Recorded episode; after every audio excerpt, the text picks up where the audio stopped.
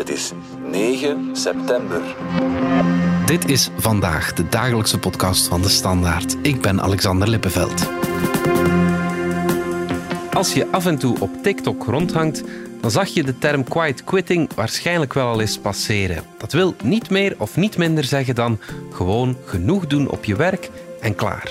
Als de deur van je kantoor toe is, dan sluit je je werk ook in je hoofd af. Een golf van genoegdoeners, een veel mooier woord, lijkt het internet te overspoelen. Is het een hippe term voor iets dat al veel langer bestaat of zegt het meer over hoe we vandaag naar werk kijken?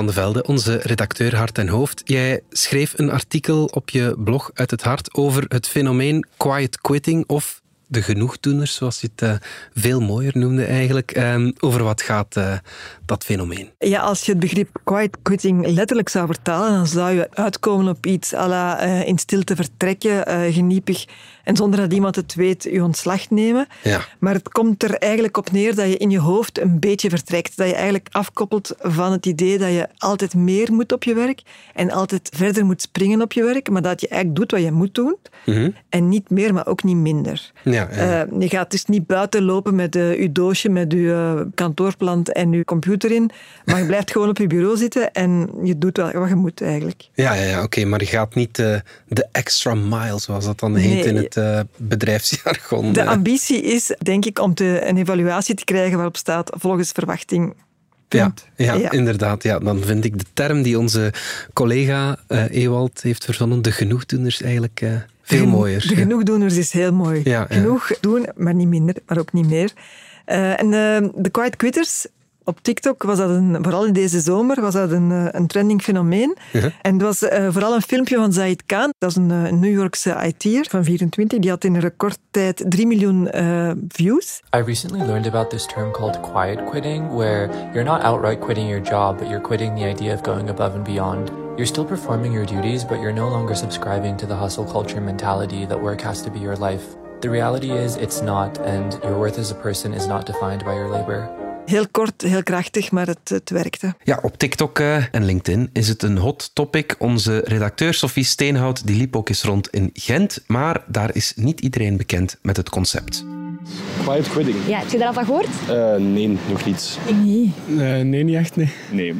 Nee, nog nooit. Toch is het idee achter de trend voor een paar mensen wel erg herkenbaar. Ik moet zeggen, ik heb net uh, de stekker eruit getrokken, professioneel om even rust te nemen en tijd voor mezelf. Dus uh, allee, ik sta wel achter het concept. ja, doen tussen de uren wat je moet doen en daarnaast je trekt de deur achter je dicht en dan is het even me-time. Want uiteindelijk, dat is de essentie. Ja, je zijt je job niet. Wordt heel tijd gezegd tegen de jeugd dat carrière heel belangrijk is en dat is ook zo. Maar ik zelf, ik investeer heel veel tijd in bijvoorbeeld vrienden en bijvoorbeeld nu ga ik ook gaan sporten. Dat is heel belangrijk, want als je enkel focust op werk, denk ik dat je na een tijdje niet meer goed in je vel gaat zitten. Niet dat ik weinig ambitie heb of zo, maar gewoon... Ja, ik vind dat je moet werken naar gelang dat je job je betaalt. En allee, dat het gewoon eerlijk is en dat je niet zo mega jezelf moet gaan uitputten als dat niet nodig is. Ja, we werken om te leven, niet omgekeerd. Lieve, ook uh, vele lezers van jouw blog herkenden zich in de genoegdoeners. Hè? Mijn mailbox is ontploft na dat stukje. Ik heb echt heel veel reacties gekregen. En het was opvallend uh, dat er heel veel veertigers, vijftigers en zelfs uh, gepensioneerden bij zaten die terugkeken op hun loopbaan en beseften van ja, ik had het beter gedaan op die manier of ik heb het eigenlijk ook zo gedaan en ik heb daar geen spijt van. Ja. Ik denk dat het nu als millennial en als, als Gen Z-fenomeen wordt geframed, maar dat dat ook wel een gevolg is van het feit dat zij uh, TikTok als uitlaatklep hebben en als medium hebben. En daar eigenlijk een, een soort van begrip op gelanceerd hebben, maar dat het fenomeen zelf al langer bestaat. Ja, ik lees vaak getuigenissen over gepensioneerden, zoals je zegt, die zeggen als ik iets anders zou doen, dan is het er vaker zijn voor mijn kinderen. Het is geen nieuw fenomeen. Hè? Nee, nee, je hebt ja. ook dan dat verhaaltje dat ook al jaren rond doet van die verpleegster die bij mensen op hun sterfbed zat en dingen noteerde van waar dat spijt van hadden in hun leven. Ja. En een van de meest gehoorde dingen was dan dat ze te veel gewerkt hadden, bijvoorbeeld. Ja, dat is dus het is, um, het is iets dat al langer bestaat en het is iets waar we langer mee worstelen. En nu is het eh, ja, zo gepinpoint in één begrip en dat is natuurlijk sexy, hè, quiet quitting. Eh. En ook eigenlijk als teken van de tijd, dat ja, het laatste jaar vooral heel actueel is. Na corona vooral, waarin mensen thuiswerkten, mm of vaker thuiswerkten, of alleen thuiswerkten. En waardoor dat de grens tussen werk en privéleven steeds meer vervaagde. In twee richtingen. Mensen konden eten met hun familie uh, als ze wilden, maar ze konden ook nog uh, mails moeten beantwoorden na zeven uur s'avonds, bij wijze van spreken. Ja. Mensen zijn zich ook steeds meer vragen gaan stellen bij de plaats die uh, werk in hun leven heeft en hoe belangrijk het is als waarde in hun leven. En ik denk dat ook speelt dat er door de situatie op de arbeidsmarkt, waardoor er eigenlijk momenteel tamelijk wat vacatures zijn, toch voor een aantal profielen, dat mensen ook strenger zijn eh, in wat ze van hun werk verwachten en wat ze voor hun werk willen doen. Ja, ja, ja oké. Okay. Een van die uh, oudere genoegdoeners is de 57-jarige Ina. De voorbije jaren had ik af en toe dat ik dus om 10, 11 uur slaap al zei tegen een collega. In plaats van tegen een man. Dan denk ik zo, ja, dat is niet goed bezig, Ina, dacht ik toen. En dan na het groot verlof, dus in augustus, heb ik gewoon gezegd, ja oké, nu beginnen we ermee. En ik zal gewoon uh, heel hard mijn best blijven doen. Maar zo tot s'avonds tien uur blijven werken, ook in het weekend bezig zijn. Ik zeg, dat moeten we toch gewoon afbouwen. Dat is niet meer gezond. En, en vandaar dat ik ook gereageerd heb. Het is net met ouder worden dat ze meer tijd wil nemen voor de dingen in het leven naast haar job. Ook het feit dat ik zo wat ouder word, dat ik denk, ja, ik wil dat nog in mijn leven, ik wil dat nog doen. Ja, en als ik dat enkel in groot vakantie doe, dan kom ik er niet. Dus ik zou toch meer tijd moeten vrijmaken tijdens eh, het werkleven. Een beetje zaken die ik ook boeiend vind. Naast de job die ik nog heel graag doe. Ja, ik wil meer dan een job alleen. Ik wil ook leven een beetje. Dat is mij toe aangespoord om, om die stap te zeggen, ik zal mijn leven veranderen. Er is tijdens haar loopbaan ook al heel veel veranderd. Ik vind dat het wel ten opzichte van 30 jaar allemaal veel sneller gaat. Dat internet was nog vroeger niet zoals het nu is. Dus je moet alles veel sneller doen. Vroeger had je de faxen, de brieven. Dus dat had al een soort onthaasting gewoon door de technologie die minder ver, communicatie die veel minder ver gevolgd was. Dus het gaat allemaal heel snel. Maar soms moet je als werknemer, ja, als werknemer zeggen ja, kijk, we gaan toch niet naar zesde versnelling. Vijfde is, het, uh, is gewoon genoeg, denk ik. We gaan er even uit voor een korte boodschap.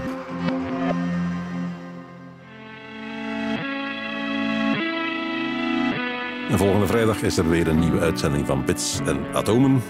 Ik ben Pieter van Doorn en ik ga het onder andere hebben over wat je moet doen met die vervelende windmolenwieken. Je moet ze omzetten in gummibeertjes. En we luisteren ook nog naar de klank van de ruimte. En ik ben Dominique Dekpijn en ik zal het tijdens de Bits en Atomen van deze week onder meer hebben over de IFA-beurs in Berlijn, waar ik technologie zie die bespaart op je energierekening. Aha.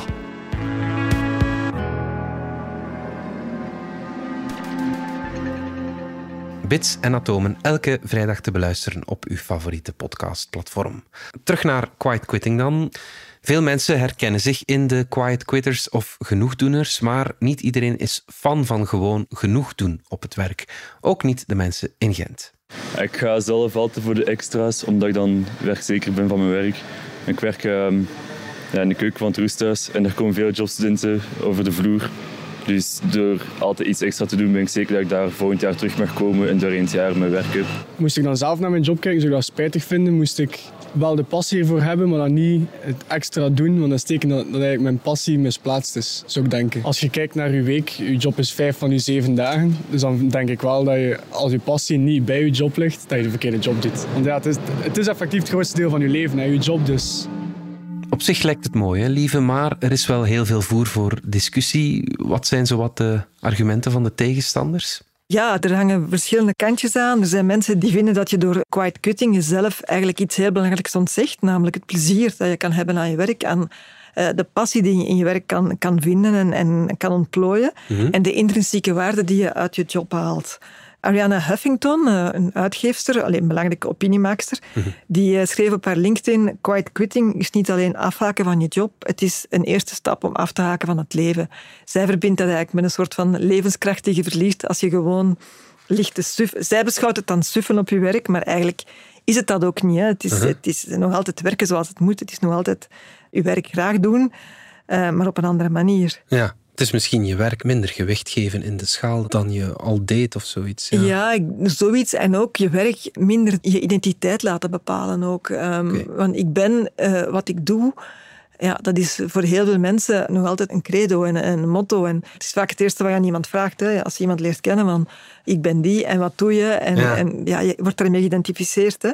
Ja. En dit is zo een beetje een, een challenge om dat eens anders te bekijken. Ja, oké, ja. Wat je ook hoort, is eh, mensen die, die pleiten voor eh, een andere benaming. En dan heb ik het ook niet alleen over genoegdoenerij, maar die het eerder gaan zoeken in de quiet self-care. Die zeggen, je moet voor jezelf zorgen, eh, voor jezelf een goed evenwicht vinden tussen die voldoening en, en die intrinsieke waarde. En ook jezelf beschermen, dat je niet tegen je eigen grenzen opbotst of erover gaat. Dat is Eh, inderdaad een pak minder eh, Dat klinkt minder... pejoratief, eh, zeg maar. Hè? Want quitting, ja, je neemt geen ontslag. Hè? Nee, Ja, nee, dat is het. Je, je gaat gewoon beter voor jezelf zorgen. Ja, ja. En eh, er is ook kritiek van iemand in de New York Times, die haalde iemand aan, eh, Matt Spielman. Die zegt, ja, quiet quitting is eigenlijk eh, extreem passief-agressief, want eh, vooral die quiet, je doet in stilte, je, je beslist voor jezelf van, het is nu genoeg geweest, ehm, ja. ze moeten mij er niks meer komen vragen, ik heb eh, recht om nu eh, alleen maar dit te doen, al wat erbij komt is al voor volgende week zijn. Ja, hij zegt dat iets wat je eigenlijk in je eigen hoofd beslist en dan bij wijze van spreken op tafel gaat slaan met je vuist en zeggen van eh, oké, nu zit het zo en nu doe ik het zo. Dus hij pleit er dan voor om dat toch wel een beetje met de, met de werkgever te discussiëren en dat open te trekken naar een dialoog. Ja, dat is ook wat eh, Erik Laurijs zegt. En dat is de woordvoerder van VOCA, het Vlaams netwerk van ondernemingen. Werkgevers hebben de plicht om, een fijne werkplek aan te bieden, die stimulerend werk biedt, eh, waar mensen zich kunnen ontwikkelen op persoonlijk vlak, maar ook een carrière kunnen uitbouwen. Dus dat ligt in de eerste plaats bij werkgevers. Maar het woordje quiet in quiet quitting is een beetje verontrustend. Als mensen dat in alle stilte doen, dan heeft de werkgever niet veel opties om, eh, om bij te sturen, om in te grijpen. Laurijs is dan ook geen voorstander van quiet quitting. Ik denk dat in de eerste plaats werkgevers zijn die met de gebakken peren zitten als een deel van hun personeel daar eigenlijk tegen hun goesting zit, ehm, vooral zo weinig mogelijk wil doen. Minimum minimorum. Ja, dat is niet goed voor de, de productiviteit, voor de output van een onderneming. Dat is ook niet goed naar de collega's toe, dat geeft een, een verkeerd beeld. Dus werkgevers zijn in de eerste plaats daardoor getroffen, denk ik. Maar ook de werknemer zelf, die werk en een, een fijne werkplek nodig heeft voor zijn persoonlijke ontwikkeling. Mensen die van 9 to 5 werken, dat is perfect. Hè? Een arbeidscontract, daar staan bepaalde uren in waarin er gewerkt moet worden. Wie zich daar strikt aan houdt, daar is geen probleem. Maar het gaat over wat men dan doet tijdens die uren en met welke instelling men aan zijn bureautje zit. Dat is veel belangrijker dan precies welke uren er geklopt worden. Ja, lieve, klinkt ergens wel logisch om echt expliciet je grenzen af te bakenen op de werkvloer en in gesprek te gaan met je werkgever. Maar dat is toch niet altijd zo eenvoudig. Hè? Niet iedereen kan of durft dat te zeggen, denk ik. Ja, en wanneer zeg je dat dan? En, en hoe werkt een bedrijf? Wat is de bedrijfscultuur? Ik denk dat dat inderdaad makkelijk gezegd is.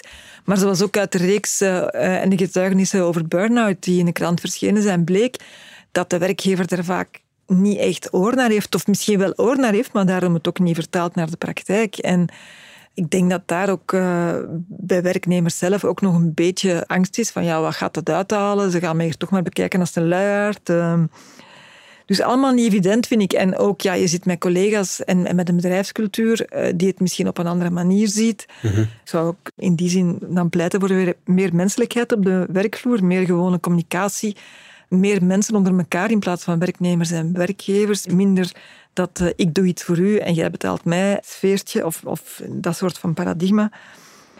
Dus ik denk dat dat zeker belangrijk is om, om daar een soort van eh, cultuurswitch te maken. Werkgevers verwachten vaak dat je werk ook je passie is, maar wordt dat niet wat overschat? Moet dat altijd zo zijn? Ik denk dat passie nog altijd belangrijk blijft in een job. En werkvoldoening ook. Maar eh, als passie u op de rand van uw grens brengt en als je perfectionist wordt en echt niet meer kan loslaten, ja, dan word je zelf een beetje slaaf van, van je eigen passie. En dan vraag ik me af hoe het dan met je mentale gezondheid zit. Ja. ja. En ik denk ook dat we moeten een onderscheid maken tussen passie voor je job en passie voor het leven. Ik denk heel veel van die jonge mensen die nu ja, die quiet quitting aanhangen en daar op TikTok eh, voluit over bezig zijn en voor gaan. eh, wat ik daar vooral zie, is dat die ook wel passie voor het leven hebben. Dus dat is niet zoals Ariane Huffington zegt, eh, je kan beter eh, je leven on hold zetten. Die willen gewoon ook andere dingen. En dat, vind ik, wel- dat blijf ik wel een belangrijk signaal vinden. Die willen hun passie ook in, in, in relaties vinden, in reizen, in, in allerlei hobby's, hobby's, ja, In, in, in, andere dingen naast hun werk. Het is gewoon de plaats die je de dingen geeft en, en waar dat je persoonlijk je passie uithaalt die belangrijk is, denk ik. Ja, ja, ja. ook al is dat je werk, dat is je goed Ja, dat, is ook, dat mag ook geen schande worden. hè? Je mag nog altijd graag je, je, job graag doen en daar twaalf uur per dag mee bezig zijn. Als je dat echt graag wil, ja. dan, dan is dat natuurlijk plezant en leuk en, ja. fijn. Ja, ja, uiteraard. Ja, ja, ah, en zolang jij er zelf je onder doorgaat en je eigen grenzen kent, ik denk dat het vooral een kwestie van zelfkennis is ook. En, en weten wat er nog is in het leven vooral. Uh -huh, uh -huh. Goed, lieve Van de Velde, dankjewel. Graag gedaan. Dit was vandaag de dagelijkse podcast van De Standaard. Bedankt voor het luisteren. Volg ons op Spotify, Apple Podcast of eender welk ander podcastplatform. In onze gratis FDS podcast kan je niet alleen ons werk beluisteren, maar ook de beste podcasttips terugvinden met zorg geselecteerd door onze redacteur Max de Moor. Alle credits van de podcast die je net hoorde vind je op standaard.be-podcast. Reageren kan via podcast.standaard.be. Maandag zijn we er opnieuw.